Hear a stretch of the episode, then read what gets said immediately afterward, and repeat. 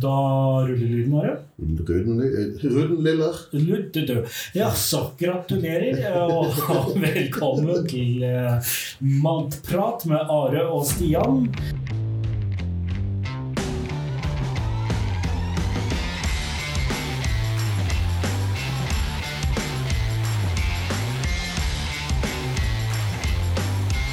Dag så er vi da klare for å bi oss ut på temaet hvordan kjøpe whisky. Eller ja, hvordan kjøpe whisky. eh, Altså, men, men eh, Hvordan er i og for seg basically ganske enkelt. Det, Ja. man, man gir penger og får whisky.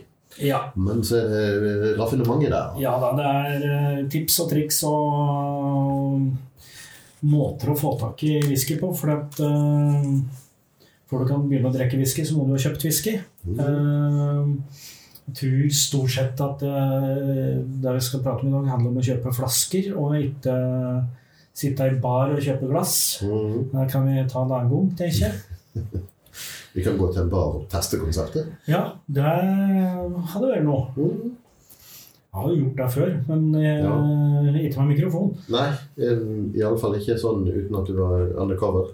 Nå blir, blir det sånn eh, Nei, hva er den hette han derre eh, ordentlig undercover-journalisten fra Tyskland som liksom eh, han, eh, Nei, det er en eh, Mhm. um, Ja, opphavet til all sånn der skjult eh, journalistikk. Han har et navn som vi selvfølgelig ikke husker, så de får google undercover-journalistikk, så dukker sikkert svaret opp. Mhm. Ok. Kjøper du noe særlig whisky, Are? Ja, altså, jeg forsøker å begrense meg til interessant whisky, men det hender jeg kjøper litt sånn standardgreier for å ha til sammenligningen.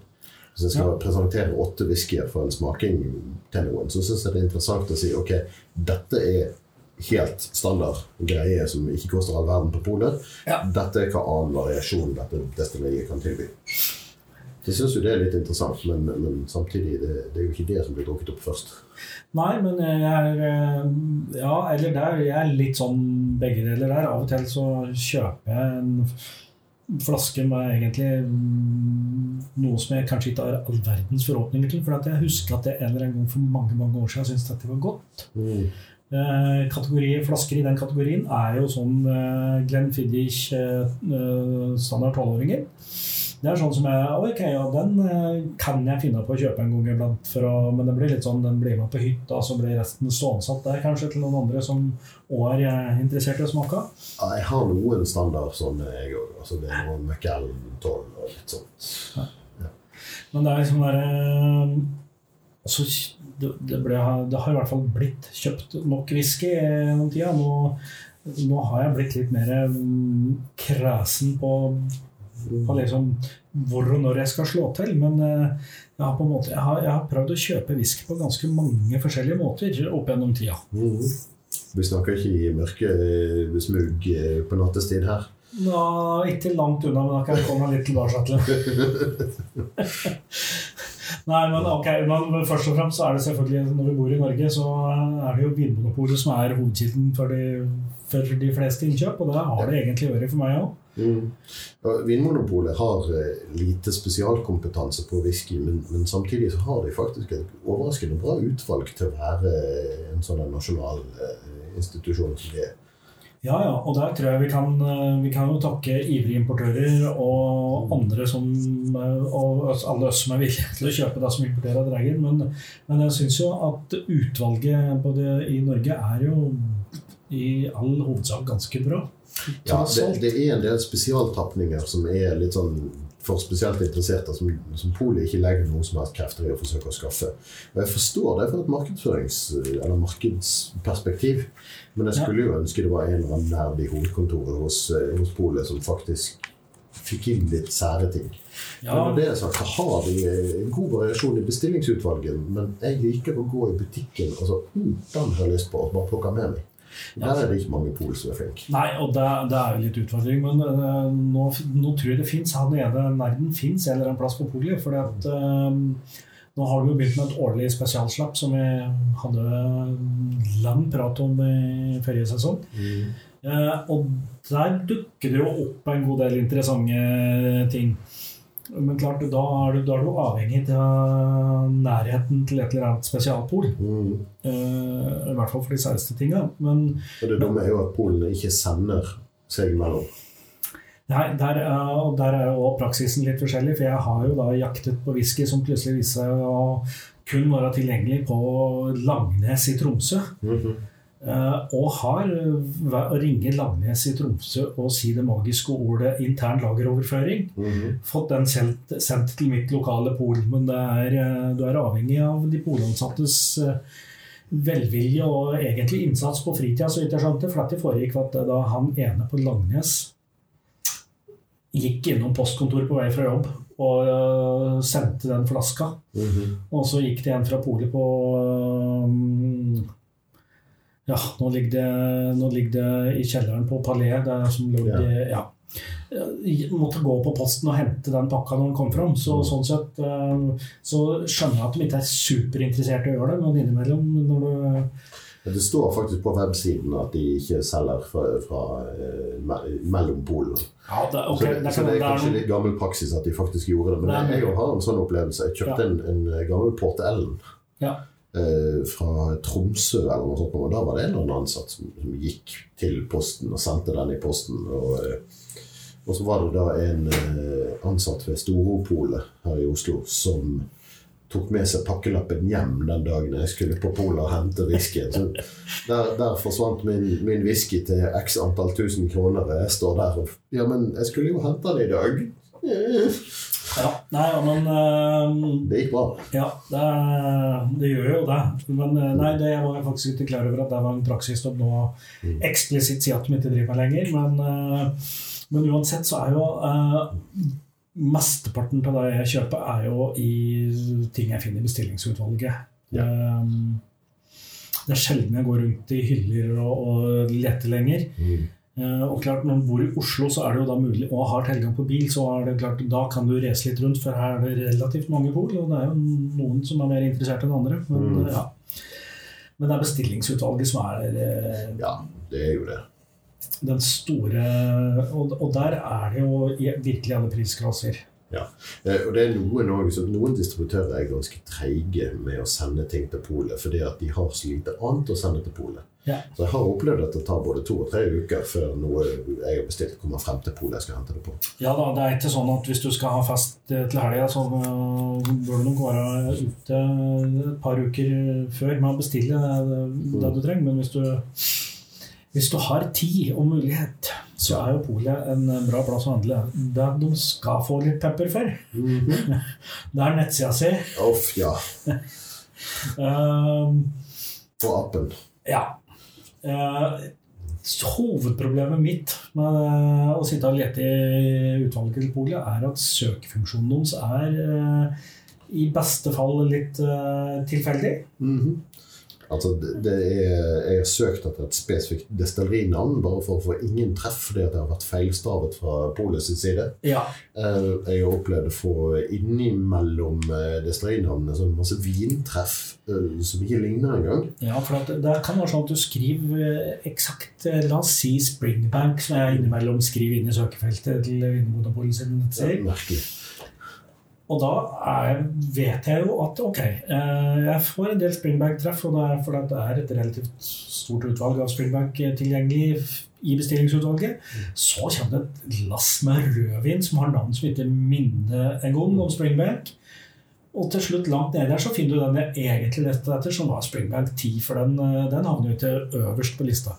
Dette her er Ja. Jeg har opplevd at det var en whisky jeg var ute etter, men jeg var litt treig i avtrekket. Men så var den heldigvis fremdeles tilgjengelig fordi at navnet var feilstavet på polet. Ja, Så det at når folk søkte etter den, så fant de den ikke.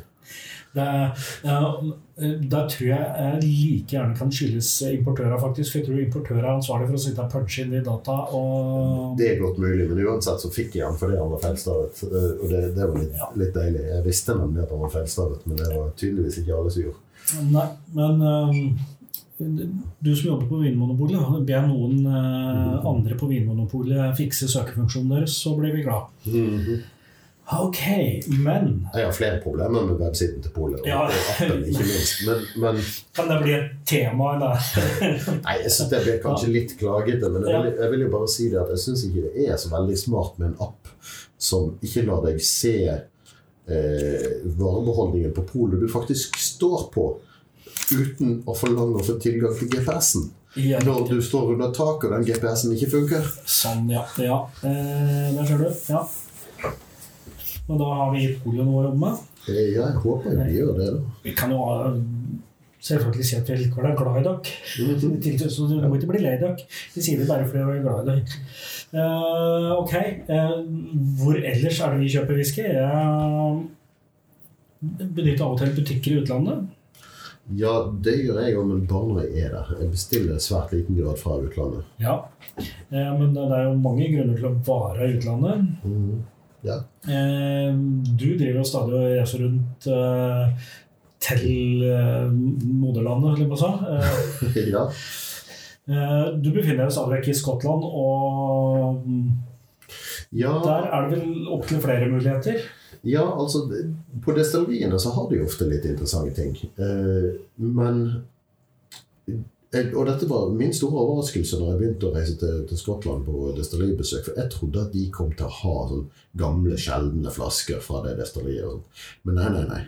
Det selges ut med en gang. Ja. Skal du lenge etter at det er utgitt i utgangspunktet, ha noe sjeldent eller dyrt eller gammelt fra et eller annet destilleri, så må du til en spesialistbutikk. Ja. Og det er sånne som kjøper gjerne dødsbo, eller eh, kjøper fra folk som har fått dårlig råd, eller bare gått lei av det. Nei, det går ikke an. Ja, ja.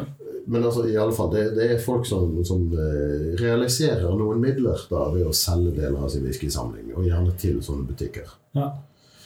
Uh, og det, det har en tendens til å bli tregangen. Altså, de, de tar godt og vel tre ganger det de kjøper de for ut til kunden. ja. Men det du mm, finner på destilleributikker, er vel da ofte sånne uh, Tapp din egen og litt sånn der eh, tappet uh, Ja. kunkel eh, dette destilleriets butikk-type ting. Mm. Det finnes en del, ganske mange destillerier har et sånt tilbud. Det kan være gimmick. At de har tappet det hele over på en sånn fake tønne som egentlig er fòret med stål. For de, de, de ønsker ja. at den skal, den skal ikke fortsette å utvikle seg. Den Han skal være lik. Eh, og så har du noen andre som, som faktisk har tønner liggende på lager, og så kan du kjøpe, kjøpe en liten slant av de som du får heise ut av tønna med sånn ombygd eh, granatpatronhylse eh, på kjetting og litt sånt på.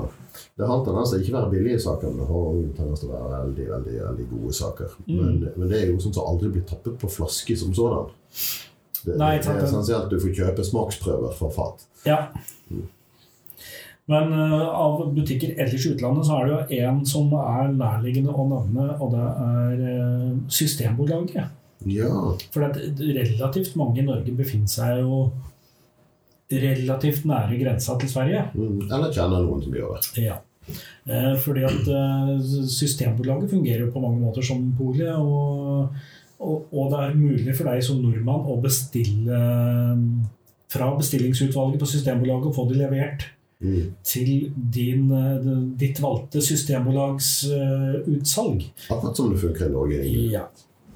Så, og da er det jo mulig å ta en tur over til Strømstad eller hvor det måtte være, og hente den flaska. da. Ja, hvis du kan gjøre det i åpningstiden, da, selvfølgelig. Det Det er ofte en en, liten utfordring. eh, er jo en begrensning der, men eh, de har jo åpent på lørdag nå som, ja. som i Norge. Eh, jeg har vært på, eh, på et eh, systembolag én gang.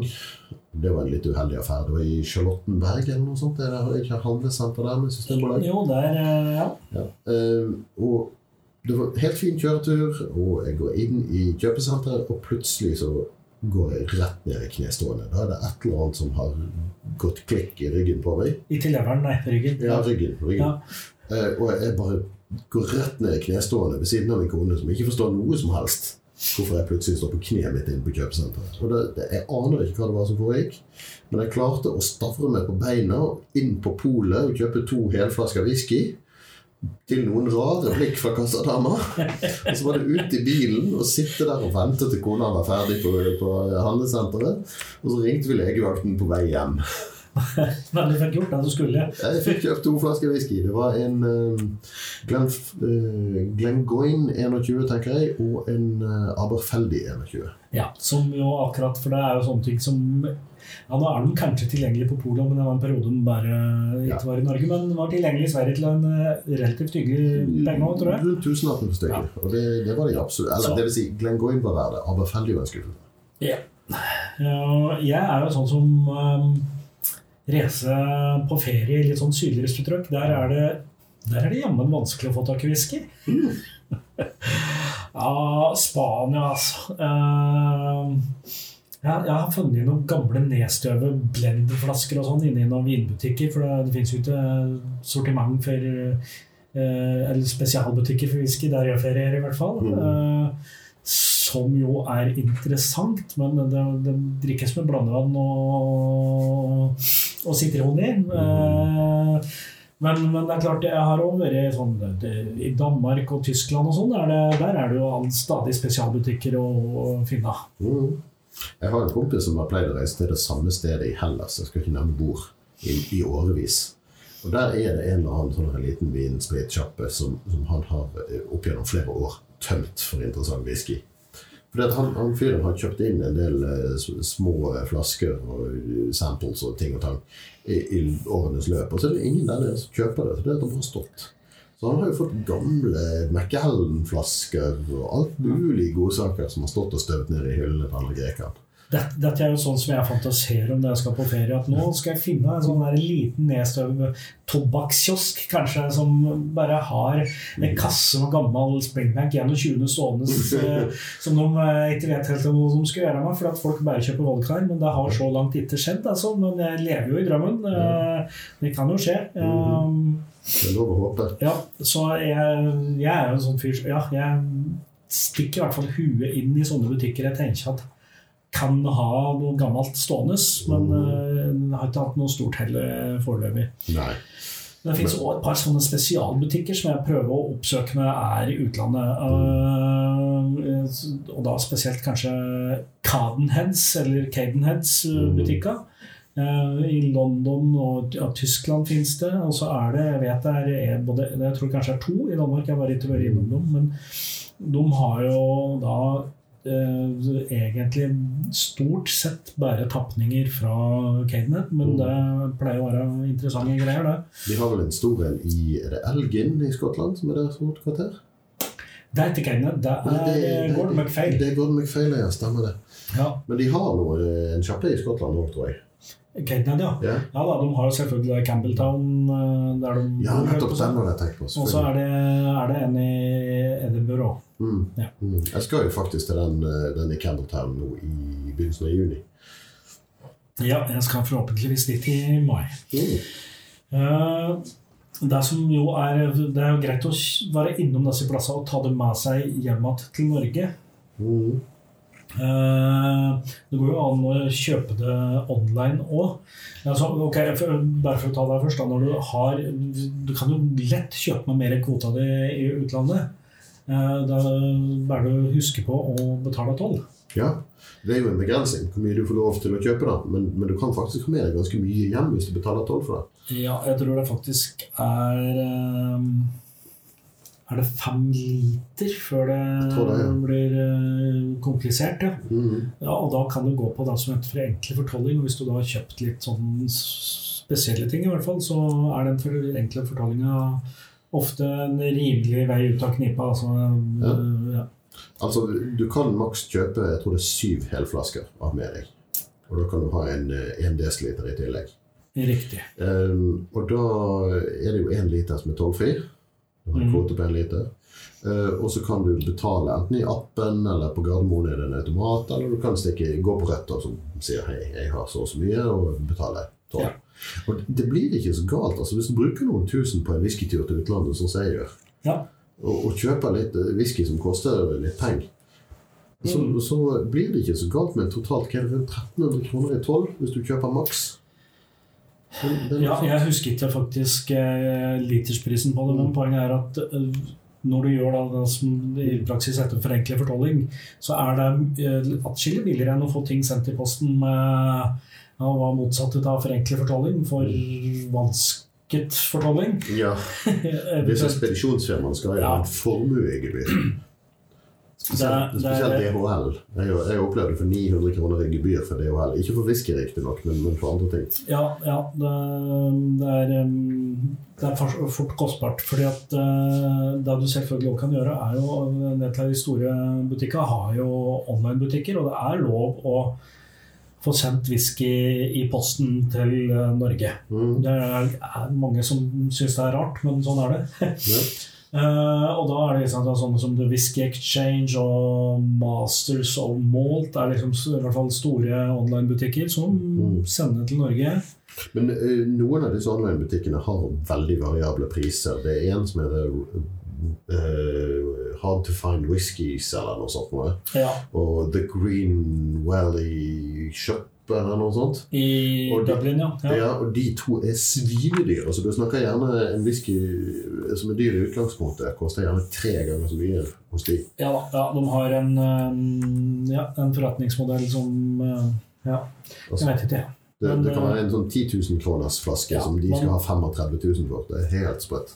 Ja, men det er, det er ikke er sånn, da, det er, da skal du mangle den ene flaska i en eller annen sammenheng hvis du skal uh, Mm. uh, handle der. Men, uh, Det men der går det an å kjøpe. Og i hvert fall um, Master of Malts selger og da samples, altså tre fire centiliters flasker Mm. mm, med smaksprøver av whisky. Det, var, det prøvde jeg et par ganger i begynnelsen når uh, interessen begynte å blomstre. Så kjøpte jeg sånne samples av temaet. Uh, det er klart, når det blir da stoppa og tollbehandla, så var det ikke så gøy lenger. Men uh, Mm. for da ble det relativt kostbart. Men det som går an å gjøre, og som jeg har eh, gjort, er å reise til utlandet på ferie og bestille sendt til hotellet jeg er på, og ta det meg inn igjen og fortelle det sjøl. Det er en uh... Det krever litt logistikk og litt timing. Hvis, hvis avsendingen blir forsinket, så så Ja. du å sitte der med skjegget i postkassen. Ja men altså de, de store og proffe butikkene har òg rask og god levering. Så det er, det er en del mindre litt sånn tvilsomme butikker som kanskje ikke er like gode på det. Du vet den store whiskybutikken i Dufftown? Ja, Der har jeg forhåndsbestilt whisky for oppplukking i butikken. Ja. Eh, Bestilte en, en, en stund på forhånd og fikk, ga de beskjed om hvilken dag jeg kom innom og plukket opp. Og ganske riktig, der sto det en pose med mitt, mitt navn på. At det kom tre måneder etterpå på Vinmonopolet her i Norge til en lavere pris, det, det hadde jeg ikke tenkt å nevne.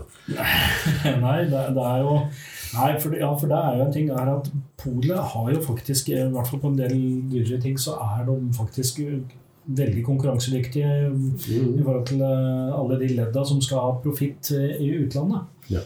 Så det, det er jo Nå ble sikkert Polet litt mer gladgjøre, sånn.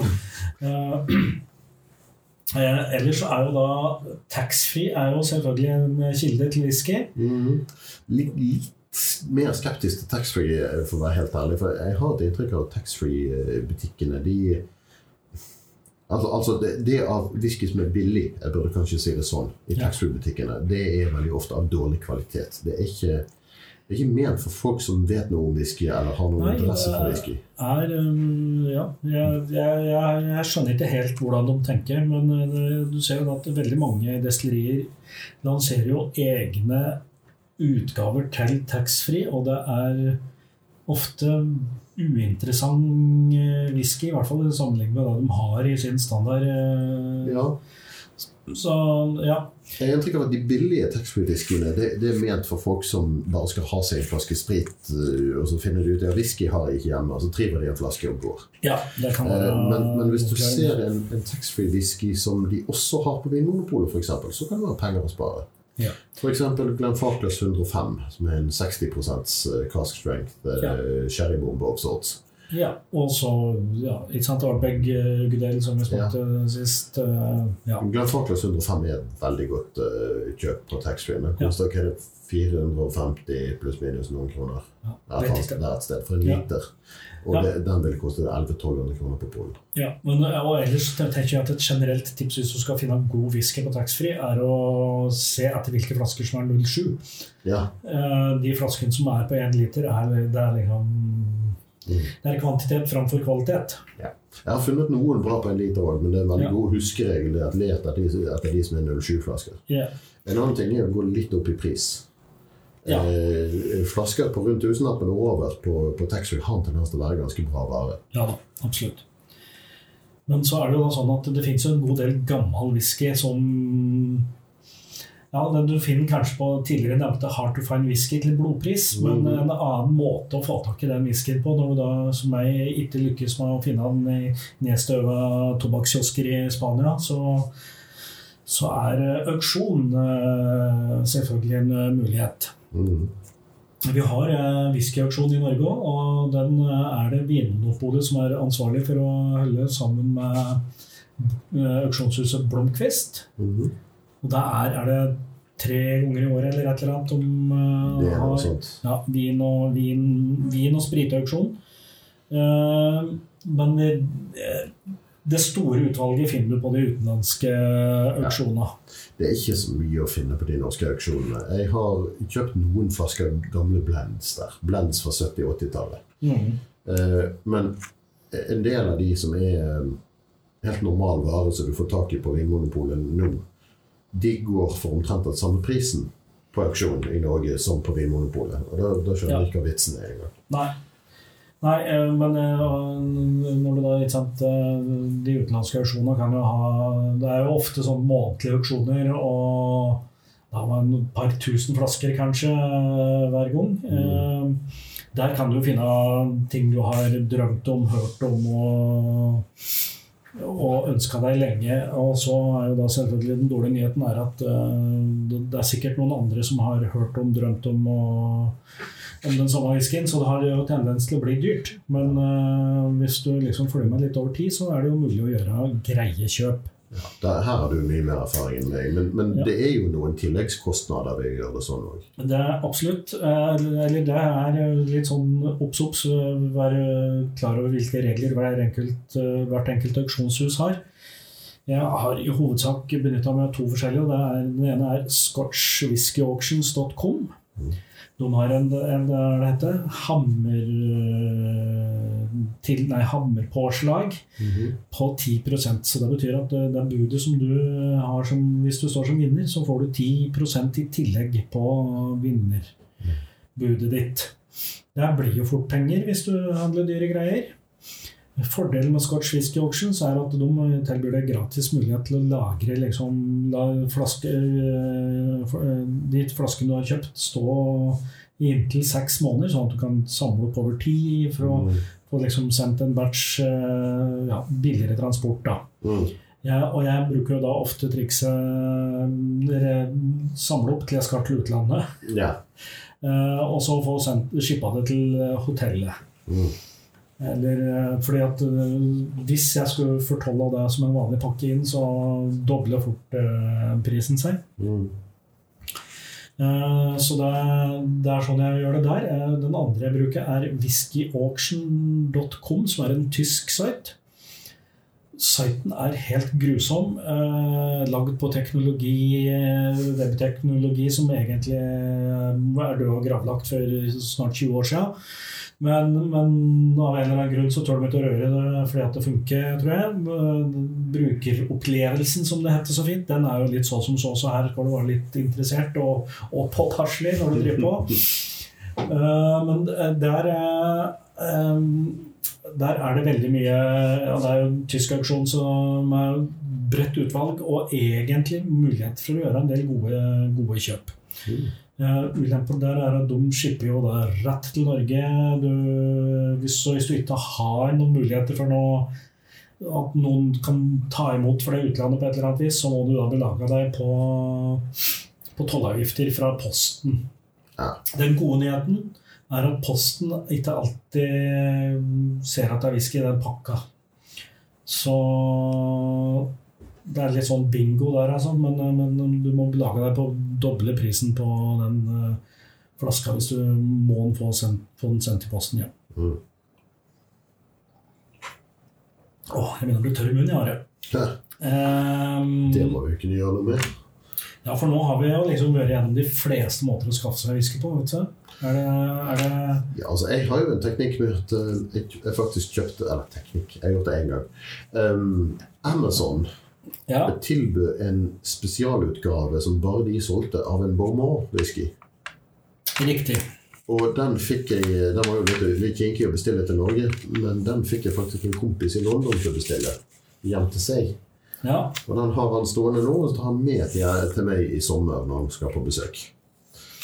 Ja, ja det, er jo, det er jo Det er litt sånn du må gjøre det hvis du Ja. er eh? Da har du en spesialgreie som neppe blir til salgs på polet til lavere pris eh, om et halvt år. Mm. Åh, skal vi eh, Men det, det er jo litt av dette som er litt artig med, med å, å drive med whisky. For det, det, det må gjøres en innsats for å få de litt mer sånn sjeldne og sære tingene. Ja, ja, jeg- altså, jeg, jeg har stor glede av uh, jakten. Mm -hmm. uh, og så- og særlig hvis du liksom er så klarer å være så mentalt sterk at du sier at, eh, at du setter en øvre grense for den eh, flaska du eh, er ute etter. Sånn fordi at hvis du da ikke klarer å vinne en auksjon til den prisen, så må du bare fortsette å finne den en annen plass. Altså, Jeg er veldig god til å sette øvre grenser så lenge de er strengt veiledende. ja, riktig. Ja, da, nei, det blir ofte Det er lett å la seg rive med. Eh, Men jeg, jeg husker jo jeg ble litt skuffet. Jeg besøkte Ben Riak en gang. Destilleriet Ben Riak. ja. Og fant en eh, 17 år gammel whisky der som har ligget på sherryfat. Og jeg ble litt sånn Oho, den så interessant ut. Og den kostet ikke all verden heller. La meg kjøpe den. Og så oppdaget jeg at Polet har tatt den inn. Og selv om jeg fikk den veldig mye billigere på destilleriet enn på Polet, så ble jeg litt sånn skuffet. For at å, jeg trodde jeg hadde fått tak i noe sjeldent interessant nå. Altså, ja. kan en hvilken som helst idiot bestille den i Norge. Det, det ble litt sånn sånn, Jeg antar det er sånn som kvinner føler det når de ser, er på fest og så ser de en kvinne i akkurat samme outfit. En annen kvinne. Eh, Litt sånn Ja. åh, nei. Men, det er, ja, men det er selvfølgelig ja, det er gleden over å finne noe som eh, få andre kan brife med. Det er, eh, jeg, ja, jeg er jo litt bitt av den, jeg merker jo det. Det, er, ikke- det er en faktor. Mhm. Eh, dagens eh, Gangstabel? dobbel.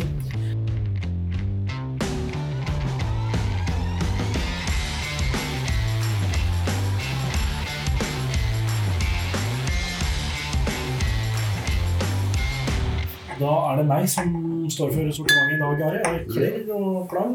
Ja, bare ikke knus noe. Ah, vet du hva. Jeg, jeg begynner med den andre, Mm. som er et relativt uh, nydelig innkjøp. Som handler om fellene man kan gå i på auksjon. Altså Første gangen jeg kan ta Første gangen jeg faktisk har bø på en whiskyauksjon, så eh, så var jeg litt sånn der, da var jeg sånn, Alt skal jo prøves, og her er det så mye forskjellig whisky, så jeg byr litt på alt. Liksom, så jeg var med og hadde liksom bud inne på veldig mye. Det var da whiskyauction.com, den forferdelige nettsida. Mm.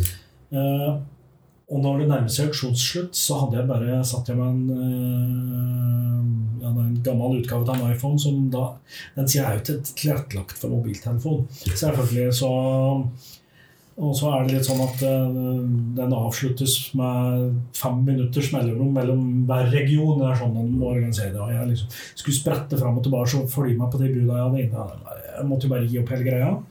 Det det endte med, var at jeg tapte jo alle buda mine. Bortsett fra det ene jeg egentlig ikke var så interessert i å vinne. Og det var en flaske fra Mhm. som jeg bare hadde hørt fælt om. Så jeg bare tenkte ja, men det er jo interessant å prøve. Men det var litt sånn, tanken var at jeg da skulle kjøpe vinne en del flasker, sånn at jeg i hvert fall liksom eh, Fortollingsgebyr og frakt ble liksom mm, fordelt på flere flasker. Mhm. Og det satt opp med liksom en flaske Diensten som kom i posten, altså, som jeg måtte betale da, um, mye for. Eh, lignende historie med den her, eh, for så vidt. Nå kan jeg jo helle opp først. Vær så god. Det er eh, Dette er en flaske fra en uavhengig tapper som eh, er Vi har nevnt før. Vi har nevnt den før, og som jeg for så vidt er svak for. Det er Adelphi, mm. som har tappa en Klein Leash på 14 år. og den har styrke 57 Altså et fatnummer her, men det står ikke noe fattype. Fatnummeret er 7541 for deg som sitter og googler dette her på, eller søker på Whiskybase. Ja. En øh, Skal vi se 14 år, det står ikke noe årgang heller. Jo, det burde jo Jo, det står, den er fra 2008, altså tappa på fat i 2000 Nei. Flaska i 2008 og destillert i 1993. Akkurat. Ja. Ok. Mhm. Den her Han har stått på flaske i eh, ti år, altså. Det har den. Jeg sy- syns jo Clan Leash er veldig godt. Mm. Uh, og så er det et overflod av tapninger fra 95 og 97. Uh, som av en eller annen grunn blir regna som veldig gode um, årganger fra Clan Leash. Eh, Mens jeg er litt usikker på om det egentlig er der det har vært ekstremt god tilgang på fat fra de åra. For jeg har ikke smakt noe dårlig Clan Leash fra andre årganger heller. Ok, Uansett, jeg begynte å by på den her fordi den var fra 93-årgang. tenkte jeg ja, det er eh, interessant, så jeg lagde et lite bud på den. Men det, det var en annen Clan Leash som var over 20 år fra samme årgangen, som jeg egentlig eh, var interessert i, men fordi at da at jeg var på den tidligere nevnte whiskyaksjen.com, så surra jeg det til i, på oppløpssida og endte meg i vinne den her til Ja, jeg syns, syns jeg liksom ga ganske mye for det. For det var eh, Jeg tror jeg endte opp på 130 euro Mm. for en 14-åring, og det er litt sånn Ja eh, Ikke nødvendigvis et krisekjøp, men så kom jo dette som en postpakke fra Tyskland. Uh-oh. Så før jeg fikk henta den her, så har den dobla seg i pris omtrent. Altså. Ja. eh, Så, det, så dette bør være godt, eh, for å si det sånn. Eh, Ja. Han lukter jo ganske lyst og lett. Og han, er ikke veldig mørk på farge heller, altså. Den, Nei, det, det, er- jeg, det, jeg, så- jeg, jeg antar jo at det er bourbonfat, men eh, Eller en refill eller et eller annet. av- Men det står rett og slett ikke. Det pleier ofte å stå på, Adelphi sine tapninger. Det er ikke noen baksideetikett der i det hele tatt. Uh, ja. Ja, nei, det, altså. Mhm. Men Klein er et veldig populært destilleri. Det er mange som har et kjærlighetsforhold til, til det. ja. Ja, ja, det er en sånn derre I gamle dager, får jeg si, så satt jeg og leste Norsk Maltwhiskylag sitt diskusjonsforum. Det var, det var på en måte min skole. Mm. Og der skjønte jeg etter hvert at ok, dette Klein Leach som jeg leser så mye om, det er jeg nødt til å få smakt. Så det endte jo med at jeg kjøpte et, eh, et, et samplesett fra tidligere nevnte Master of Malt med en god del Klein Leach i. Og, siden har det bare gått nedover. vil jeg på eh, Ja. Ja. Eh, Mitt første møte med Klein var litt stygt. Ok. Um, jeg var på Gatwick, tror jeg det må ha vært. Kanskje Heathrow, men jeg tror det var Gatwick. Det, og um, det var på den tiden jeg studerte i London. Skulle hjem til jul eller sommer eller et eller annet. Og går innom World of Whiskies, som er jo et butikknavn jeg syns var lovende. Ja. Og eh, forklarer fyren bak disken hva jeg liker, hva jeg har lyst på, og sier at jeg, hva kan du anbefale. Og han kommer trekkende da med en eh, Signatory Non-Chill Filtered Series-tapning av Klein Leash. Um, Alt, så langt er jo alt riktig. Det er lovende alt. At det er riktig, ja, Helt bortsett fra at jeg, jeg ba om, eh, om noe eh, sherrylagret. Oh, Og ja. denne var bourbonlagret, så det holdt. Ja. Eh, og nummer to Jeg eh, ble forklart at dette var et nedlagt destilleri. Og han tenkte nok på Brora, som er praktisk talt vegg i vegg. Og som er et eh, svært nobelt og populært destilleri. som Skal gjenåpnes til neste år. Ja, og så er det jo, ja, for strengt tatt så er det vel sånn at det som vi kaller Klein Leash nå, det er jo Klein Leash 2. Ja, Brora het Klein Leash før. Ja. Det er fordi at uh, Klein Leash Jeg vet ikke hvorfor de la ned det opprinnelige Klein Leash, men de bygde i hvert fall et nytt destilleri. Og, Mm. og så På et eller annet tidspunkt så fant vel uh, Diagio da er det vel, ja, Det var jo United Distillers muligens som eide dem på den tida. De hadde behov for å produsere noen Peter whisky til blenda sine, og fyrte opp at da det Klein Leash 1 under navnet Brora. Mm. Og Brora er landsbyen rett ved Ja. siden av. Eh, Jeg har vært på besøk der og, eh, i fjor sommer, tror jeg. Og eh, da drev de og, bygget og, og styrte på Klein Leach. Så vi fikk ikke noe omvisning der, de hadde produksjonsstans. Ja. Men vi fikk i stedet omvisning på Gamle Bråren. Der destilleriapparatene fremdeles sto. Ganske grundig demontert med og nedstøvet og full av dueskitt, men, men likevel, de, de var der. Ja. Og Bråra er berømt med rette. Det, det er mye godsaker derfra. Altså. Men det, det begynner å bli dyrt. Det er Polets eneste tapning fra Bråra koster vel nå hva er det, 12 000-14 000 for en flaske. ja. Nei, det er en sånn eh, lotto, lottoflaske. eh, Mm. Men eh, det er jo sånn at ja, de tingene jeg har smakt derfra, er jo blant de beste tinga jeg har smakt. Ja, Eh, Så det koster noen kroner. Men eh, vi, for vi normale dødelige kan jo trøste oss med at Klein Leach er jo Dette er det samme, men dette er helt fjernt hell. Men for å fortsette på den Klein Leach-historien, så, Ja. så endte den med det at når når jeg noen år etterpå åpnet den flasken, så var jeg så skuffet over smaken at jeg endte opp med å gi den vekk. Ja, sånn, ja. Ja, fordi at den ikke smakte sherry? Eller Nei, jeg, jeg syns bare rett og slett generelt han smakte Ja. Han var kjedelig. Han var Ja. interessant. Men, men så, så fra mitt Nei, første møte med Våra, så har veien bare vært oppover. Nei, ja. Dette her er eh, Han er veldig sterk, da, for å si det sånn. Han er jo 57. Mm. Eh, litt sånn eh, Det tar en stund før alkoholen kicker inn på tungen på denne. Han er litt, litt sånn sjenert på, på lukt, kanskje.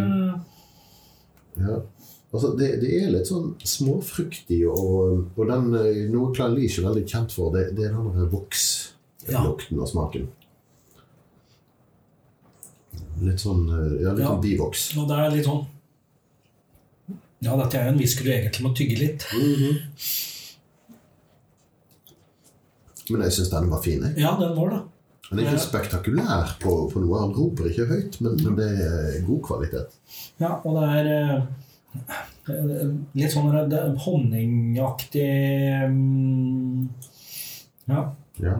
Um, Og den voksen, da. Eh, Men ja, det er nå, nå skal jeg si noe jeg, som er, på, jeg er 80% sikker på. mhm. Eller det vil si det er detaljer her jeg ikke har øh, kontroll på. Men, men den øh, vokssmaken i Klein den kommer jo fra egentlig avfallsstoffer som samles opp i et, eller annet rør på vei ut av destilleringsapparatet. Eh, -hmm. så er det, det er liksom, det er så feit den whiskyen at det bygges opp eh, proteiner i, i noen sånne overganger mellom røra. Så det ligger sånne der, eh, lag der. eh, Og det oppdaga de fordi at de på et eller annet tidspunkt eh, gjorde rent skikkelig i destilleringsapparatet. Uff det er sånt må man ikke gjøre. og så mista de den karakteristiske øh, vokssmaken sin, så jeg vet ikke om de har gjort rent noen gang senere. Men i hvert fall så har de funnet ut at det er en essensiell del av, Mm. av karakteren deres.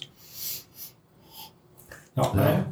jeg, jo, jeg syns dette var godt. Den øh, Likevel litt synd jeg måtte øh, fleske til med et så, såpass fortollingsgebyr på den. Men uh, Ja, men uh, noen ting må man nesten ta litt uh, Ja. høyde for. Eh, jeg var en gang på Jeg jobbet jo en del, med fotoutstyr før i tiden. Eh, og så var det da jeg og en, eh, en fyr som driver en webside som heter Callan Rumors. -hmm. Som var litt eh, Ja, vi var litt lei og skuffet nede i Køln på en fotomesse der. Eh, så det at vi bestemte oss for at vi, eh, vi googler litt og ser om det finnes noen gode whiskysjapper i byen. Og det gjorde det jo. Ja, selvfølgelig. Og- Ja, Tyskland er et bra land å kjøpe whisky. Og de var, begge sjappene var selvfølgelig stengt når vi kom dit. Men eh, dagen etterpå så kom vi tilbake, og da var den ene åpne. åpen. Og han, han Runners-duden, Craig som han heter, han, han er Peathead. Han liker Octomore og sånt. Ok, ja. Sånn ekstremt røyket whisky. Uh, og han bor i Canada, der de, du ikke kan få importert whisky sjøl. Du kan ikke få tilsendt whisky der. Da blir det oppdaget, så blir han satt rett i destruksjon.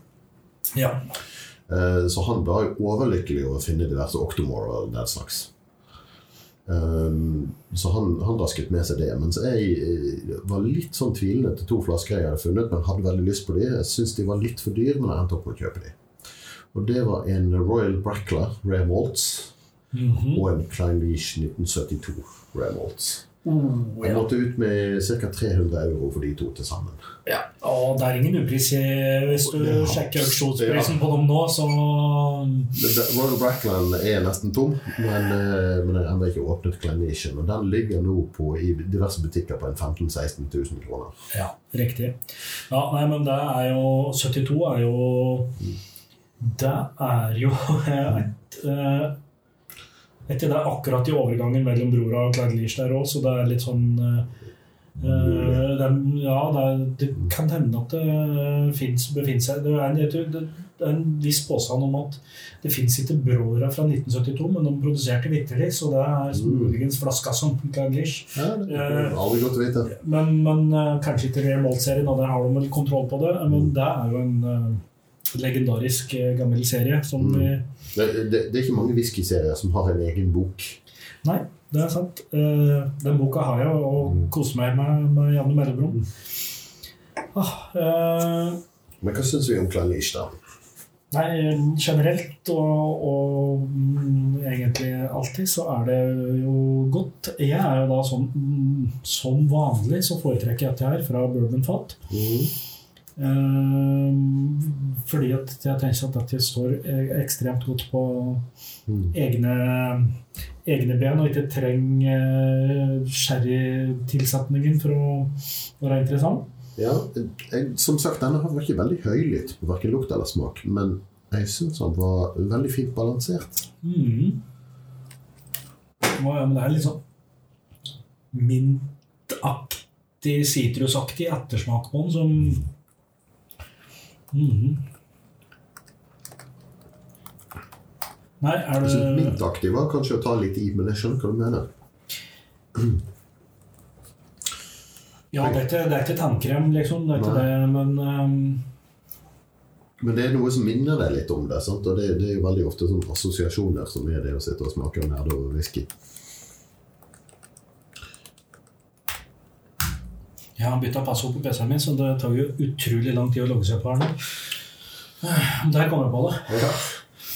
Etter x antall glass whisky så er ikke det så verst gjort. Nei da. Nei, det er klart vi eh, Og grunnen til at jeg sitter her og tukler med maskinen min, er at jeg trenger å finne at uh, skalaen vår, sånn at vi har, eh, vet vi hvordan vi skal vurdere dette her. Mm. Og liksom bare begynne på toppen og stryke oss nedover til vi kommer til vi skal. Sånn legendarisk. Nye. Genial. Nye. Eh, klassisk.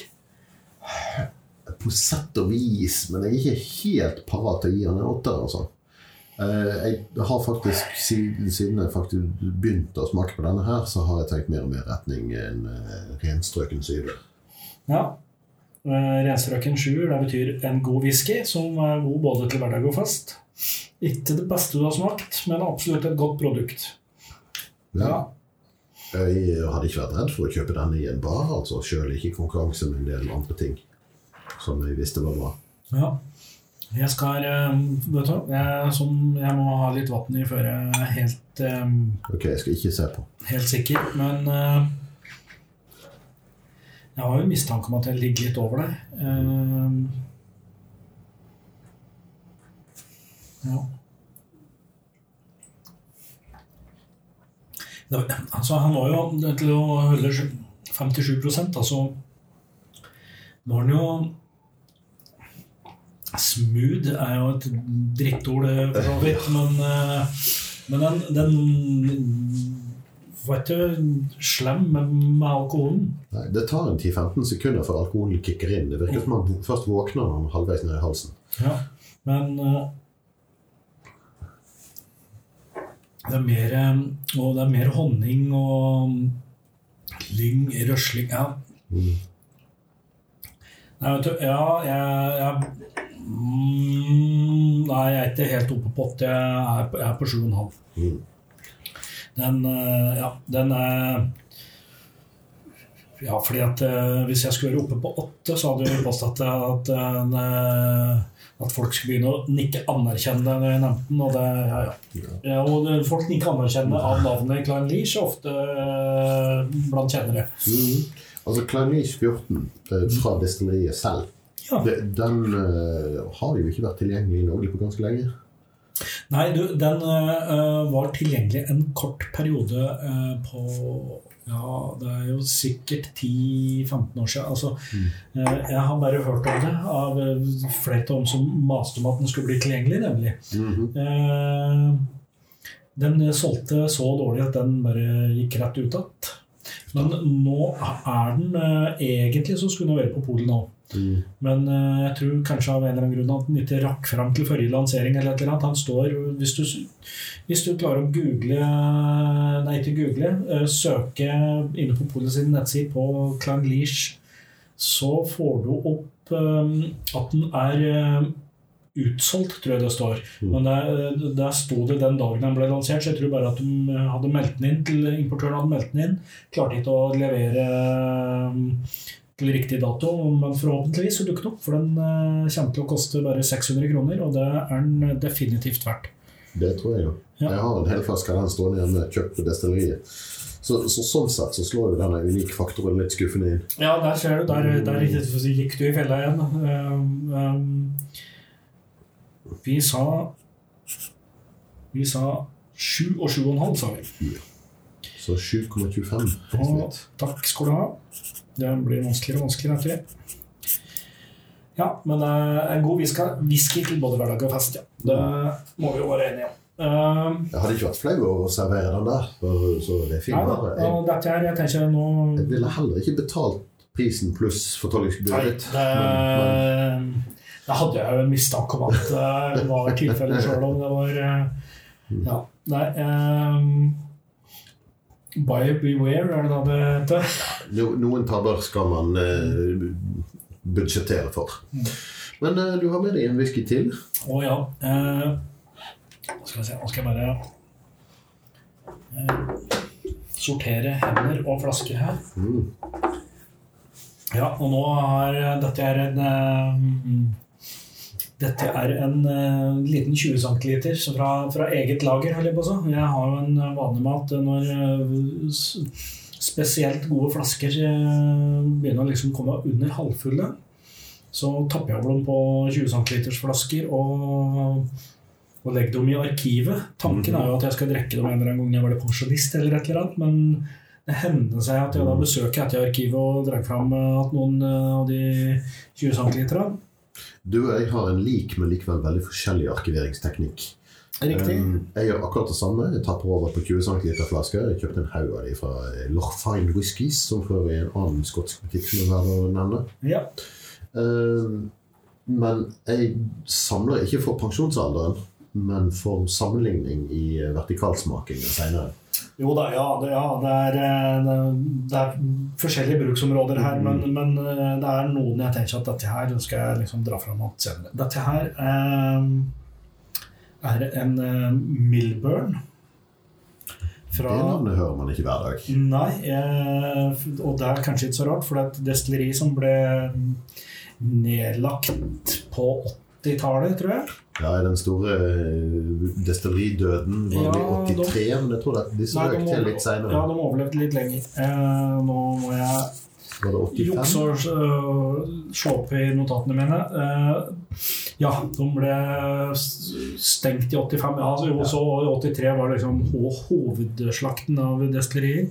Det var altså en periode der det ikke var så populært med whisky. Og da der er flere destillerier som ble nedlagt. Ok, Milburn skal jeg bare få åpna flaska og Han var så føler at du bør ikke tilte den når du åpner. Nei, jeg får uh, Sånn, takk, takk. Der. Um, nei, Milburn er eh, Jeg har ikke smakt veldig mye av det. Dette er den eneste flaska jeg har eh, eid. Og så har jeg vel hatt et par smakprøver. Ja, Du må ha du må selvfølgelig en flaske eller to tapninger i Rare Malt-serien. Mm. Som jeg har eh, Gammel Diagio-destilleri dette år, da. Ja, det er det. Så, øh, men ja, har ikke sant, den ble nedlagt eh, i 85 og fullstendig demontert i et par-tre år senere. Så i dag så er det hotell og restaurant som er der destilleriet var. Og dette er i byen Inverness. Der er det så vidt jeg vet, er det, er det ikke et eneste destilleri der, tror jeg. Det var jo faktisk en fire-fem destillerier der, men eh, jeg tror alle har litt samme triste skjebne. Bløff. Eh, og denne flaska her Mm. har jeg òg da selvfølgelig eh, kommet over på en uh, Ikke bestillingsutvalget til Vinmonopolet, for å si det på den måten. Vi, har jo tidligere prata om at vi begge har jobbet i et selskap som hadde kontor i Krakow. Mm. Jeg var i Krakow på ja, på egentlig ja, jobbtur, eh, og hadde da forberedt meg veldig selvfølgelig på at jeg skulle dit, med å tenke seg, ok, nå her, her må vi finne ut av whiskymulighetene. Og det jeg fant da, var jo en Cadenhead-butikk. Ja, Cadenhead. Cadenhead, skal s- det, ja. hø det høres veldig unaturlig ut, men Ja. det skal visst være sånn. Jeg vet. Eh, potato, potato. Men Mm. Det hadde de i Krakow, eller det fantes i Krakow. Den sida var jo selvfølgelig på polsk, så jeg satt jo med en Google Translate-versjon og leste meg til leste, leste til øyet ble stort og vått om eh, gamle tapninger. Og jeg fant ut at eh, den betyr, Jeg sendte dem en mail fordi det sto et eller annet eh, som jeg klarte å tolke dem at de hadde litt sånn Åpningstiden var litt sånn tilfeldige. Mhm. Så jeg bare sa hvilken dag, dager jeg var i Krakow og lurte på om, om butikken var åpen når, når og når og da. Og fikk beskjed om at nei, men bare kom innom mellom tolv og fire eller et eller annet. Ja, ok, ja. Mellom 11.30 og halv tolv. Ja, noe sånt. Eh, og liksom hadde prøvd å se på et Google-kart og prøvd å liksom orientere meg litt. Så når vi liksom var ferdig med det, det som var dagens dont på jobben, og de andre kollegaene mine stakk på pub, så gikk jeg og fant meg en drosje for å komme meg til her Cadenhead- Cadenhead-butikken. Og så hadde jeg, jeg, jeg er veldig usikker på hvordan jeg hadde tolka Google-kartet, men jeg hadde en tanke om at det skulle være ca. 3 km til den butikken fra der jeg sto. Det er jo ikke langt med bil. Nei. Eh, jeg begynte jo å ane uro når jeg hadde sittet i drosjen i, tre kvarter og jeg bare så eh, jorder på begge sider av veien. Det var, ikke, noe som ligner på by, så jeg tenkte "Ah, er jeg nå i ferd med å bli skikkelig hijacka av en uh, illsint polsk drosjesjåfør som uh, vil meg vondt? Kidnappet av polsk mafia. Ja, så var det litt sånn en, eh, Ja, jeg vet ikke, jeg Sjenert som jeg er, da, så satt jeg egentlig bare rolig i baksetet og gjorde litt anskrik i det hele tatt, og lurte på hvordan dette kom til å gå. Men eh, en, eh, etter en time og 20 minutter i drosje, altså, så når vi et byggefelt ute på den polske landsbygda. Og der står det plutselig et eh, Cadenhead-skjelt i veikanten. Mm. Så da drosjesjåføren stoppa, så, så da skjønner jeg at ok eh, Punkt én nå, ja, jeg er bra. Jeg er ikke, jeg er ikke blitt kidnappa, jeg er blitt rana. Uh, jeg tror det blir vanskelig å få drosje herifra og hjem igjen. Så jeg vent- ber jo drosjesjåføren vente på meg mens jeg da skal være inn i denne butikken et lite øyeblikk. Men det er jo det er ikke egentlig noen butikk, det er et skjelt, og så er det et bolighus. Så jeg går, og, går inn og ringer på døra og får beskjed om at jo, jo, eh, butikken er åpen, du må bare bli med rundt i huset her. Der er vi da inne i et slags uthus, en moderne utgave, men der var det altså Krakow eh, sin Cadenhead-butikk var. Eh, og så står jeg der og ser litt på flasker og diskuterer, og så Mellom fjøset og hønsehuset, liksom. Ja. Så skjønner jeg jo at jeg må jo her kan, Kanskje jeg ikke kan betale med kort her.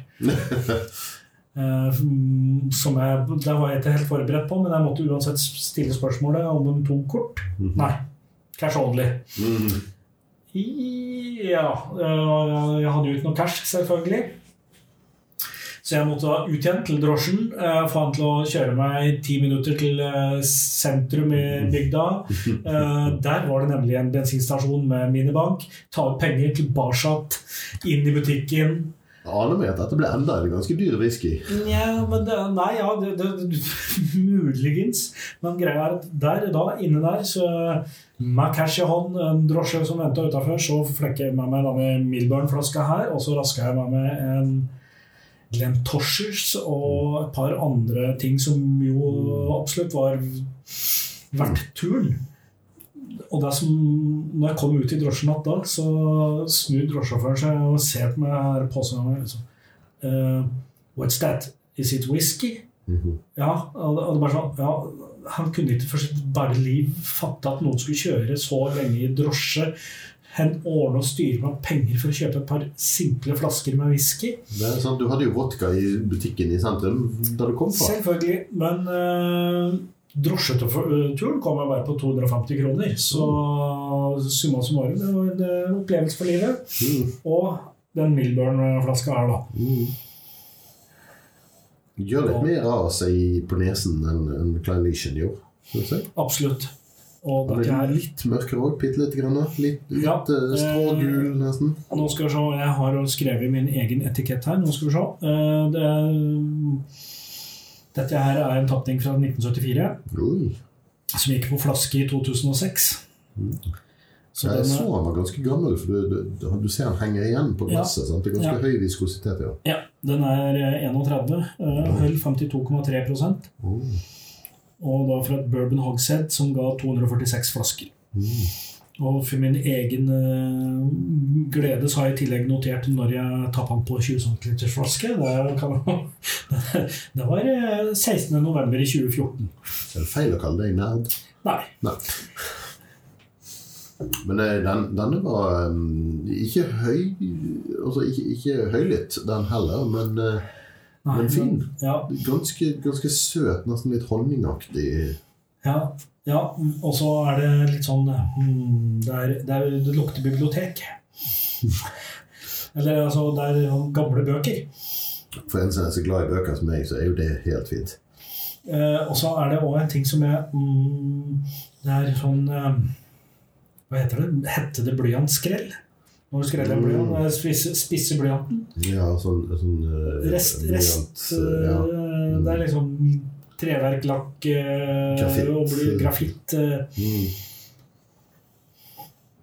og så er det en eller annen En eller annen sånn frukt jeg ikke helt får taket på, men dette er Sånn, det minner meg litt om stjernefrukt. Du vet Den, den som nesten smaker litt, litt plast.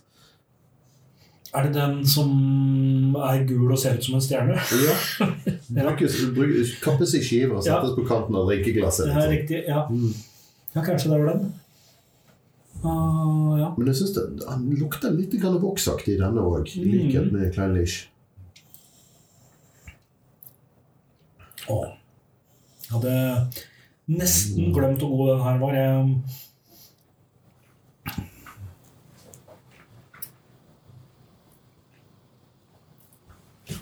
Dette her er jo en flaske som jeg Jeg, jeg tror jeg ga under tusenlappen for flaska. Mm. Ja. Fordi at den Kegner-butikken i Krakow den var jo bare et, lager. Jeg var en entusiast som på et eller annet tidspunkt hadde fått lov til å starte butikk og fått, fått inn varebeholdning. Mhm. Og den fikk han sannsynligvis inn i 2006, for at eh, alt som var der, var liksom tappa fra på den tida. Og når jeg besøkte Krakow et par år senere, så var det ja, da, da sendte Klokka skade, så sendte jeg en mail til fyren, og da tilbød han seg å ta med seg varen inn til byen Ja. og møte meg på hotellet. Men da var, da var han lagt ned butikken egentlig mer eller mindre og hadde hatt bare noen småtteri.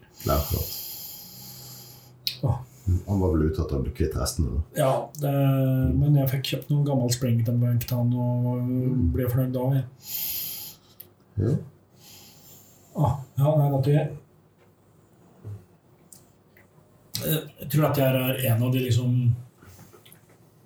første whisky jeg smakte som var på den alderen her, og som hadde liksom altså, Og denne karakteren òg, for det, det er sånn whisky som dette her er ikke nesten noe du oppdriver lenger. Jeg vet ikke Nei, iallfall ikke for oss med normal lønn. Nei, nei og det er, men det er liksom Jeg vet ikke om moderne destillerier laga noe som Ja, kanskje. Nei, jeg, dette her er syns jeg er mm. Det, det er noe med gammel whisky at han roer seg ned litt. Grann. Det, det, Ja. det er som om man blir kvitt alle de her flisene og kantene og blir rundere og, Ja. og, og litt sånn mer dempet. Litt mer raffinert. Litt, litt mer, det blir litt mer klasse over på en måte. mm, Um, Ja, for det, det, det er liksom det, det er et tydelig innslag av treverk her, liksom, men Ja. En katastrofe av en whisky jeg smakte en gang, Og en Dallas Du. Altså Dallas DHU. ja. Uh, som var 36 år gammel. Uh, men har ligget på et fat da, som, som sannsynligvis ikke var noe aktivt lenger. Det, enten var det brukt opp, eller så var det et dårlig fat i utgangspunktet. Eller sånt, og det smakte bare sprit. Uff, ja. Og det er så trist. Han har ligget 36 år på dette treverket som ikke tilfører han noe som helst. Men eh, skam på den som tapper deg på flasker, da. Den burde jo Nei, det var økonomien som avgjorde det, tenker jeg. Ja, ja. Jo, men Ja, sikkert. Mm. Men den, den var skuffende, altså. Det, Oh, nei ehm, Du kan jo begynne å gjette hvor jeg nærmer nærme meg en plate her, altså, men ehm, Den, denne var fin, men jeg, jeg liker store smaker. Jeg, jeg liker intensitet og kompleksitet og, og store smaker. Så selv om denne var god, så er den litt for dempet for, for meg. Ehm, jeg tror nok La meg se litt på skalaen. Ja. Jeg tror nok jeg havner på 7 eller 7,5. Eh, klassisk er han neppe, altså karakter 8. Jeg tror 7,5 er riktig for meg. For han, han er bedre enn god, men han er ikke helt på klassisk. Det er greit. Eh, ikke at jeg blir for nærme, men eh, jeg, skal, jeg skal nok ikke opp på mm, genial, sjøl om jeg har tenkt på det. Men dette her er eh, Dette er i klassen av det noe av det beste jeg får, nemlig. Men, men, men det er vel litt forskjell på det med Du er jo mer sherry Jeg mener jo at han er jo absolutt kompleks, men jeg, han er litt Ja. Eh, Men eh, ja, han har ikke de store smakene, men han har smaker som jeg sjelden opplever i whisky. Det er, ja, det er, det er liksom whisky som kanskje er 30 pluss, og som er tappa på flaske for en stund siden. Jeg skal, ikke, jeg skal nok ikke helt opp på genial, men Eller skal jeg det? Altså, det er sånn at denne flaska har stått eh, da sylta ned i arkivet mitt i Mm. ja, i, i fire år nå, og, og før jeg liksom lagra de 20 cm her, så var det sånn og dette her var bare sånn Tok jeg, tok en dram en veldig sjelden gang. Eh, eh, jeg mener jo at jeg er eh, Nei, du vet jo Ja, nei, jeg, jeg, jeg Det er så hårfint unna genial at uh, Du er helt oppe der, altså. ja, jeg syns det Altså, for at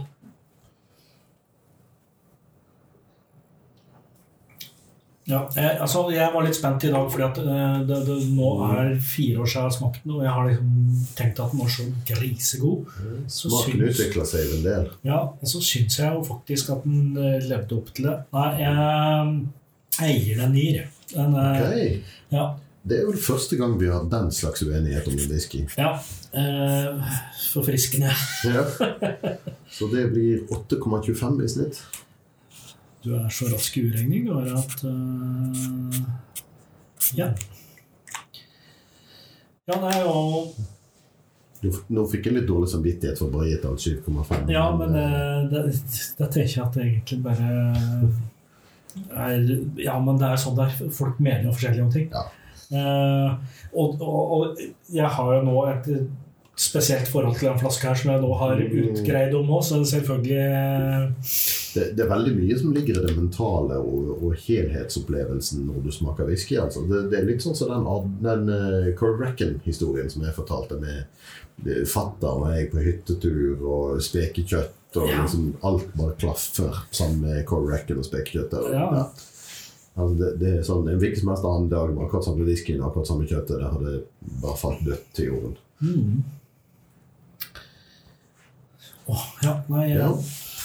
Og så kan vi jo, Men du hadde jo rett i et eller annet på begge har litt eh, voks i seg. Altså. Det, Mm. ja. Nei, er vi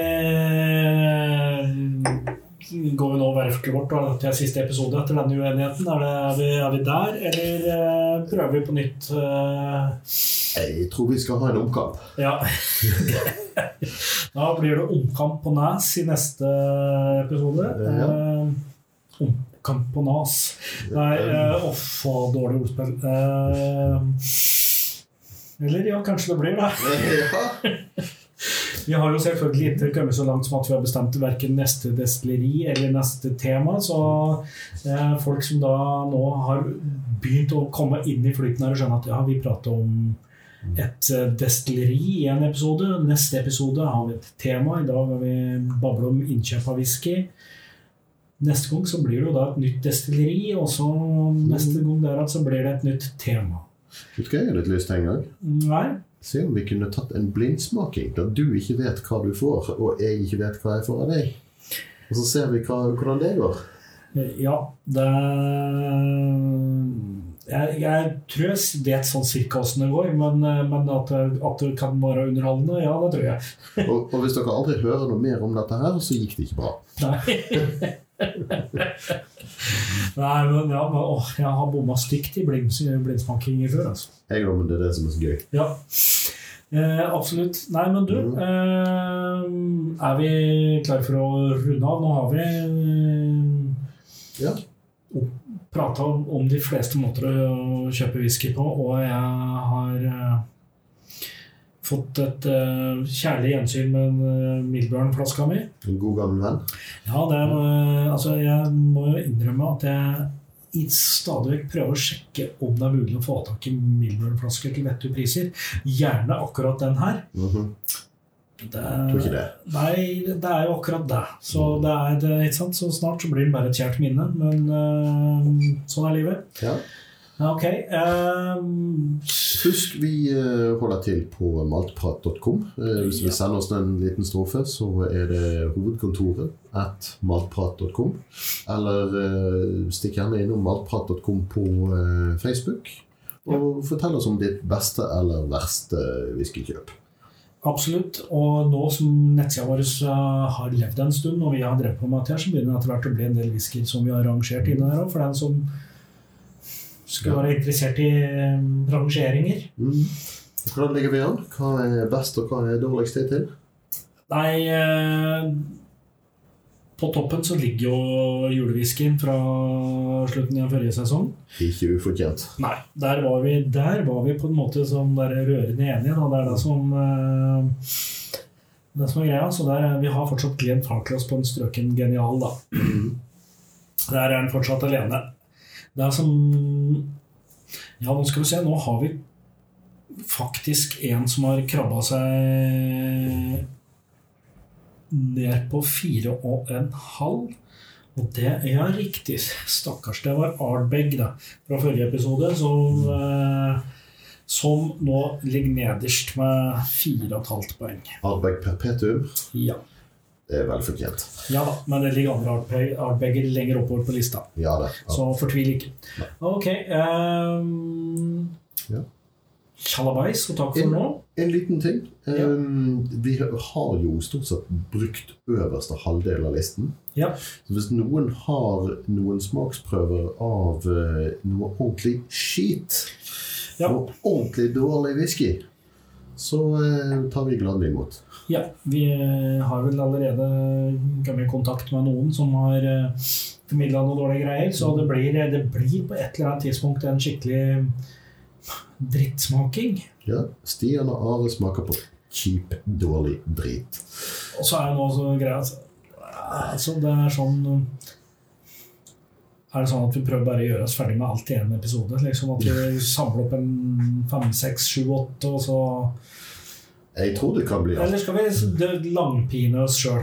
Jeg tror det kan bli artig for folk å, å, å skaffe, hjelpe oss å skaffe til veie noen skikkelig skikkelig dårlige greier, og så høre på oss uh, Altså, Jeg, jeg syns det er kjempegøy hver, hver, gang jeg ser en video med en eller annen stakkars amerikaner som prøver å se på surstyling. Ja da. Jo, uh, og ja, jeg håper, ikke, håper vi ikke går dit, men ok, greit. Jo, jeg, jeg Nei da, jeg, vi, vi, vi, stiller kropper og klevere til rådighet, eh, er vel tanken her, da. Mm. Ok, men yep. skål til neste gang. Skål. Takk for oss. Ja. Kjøp.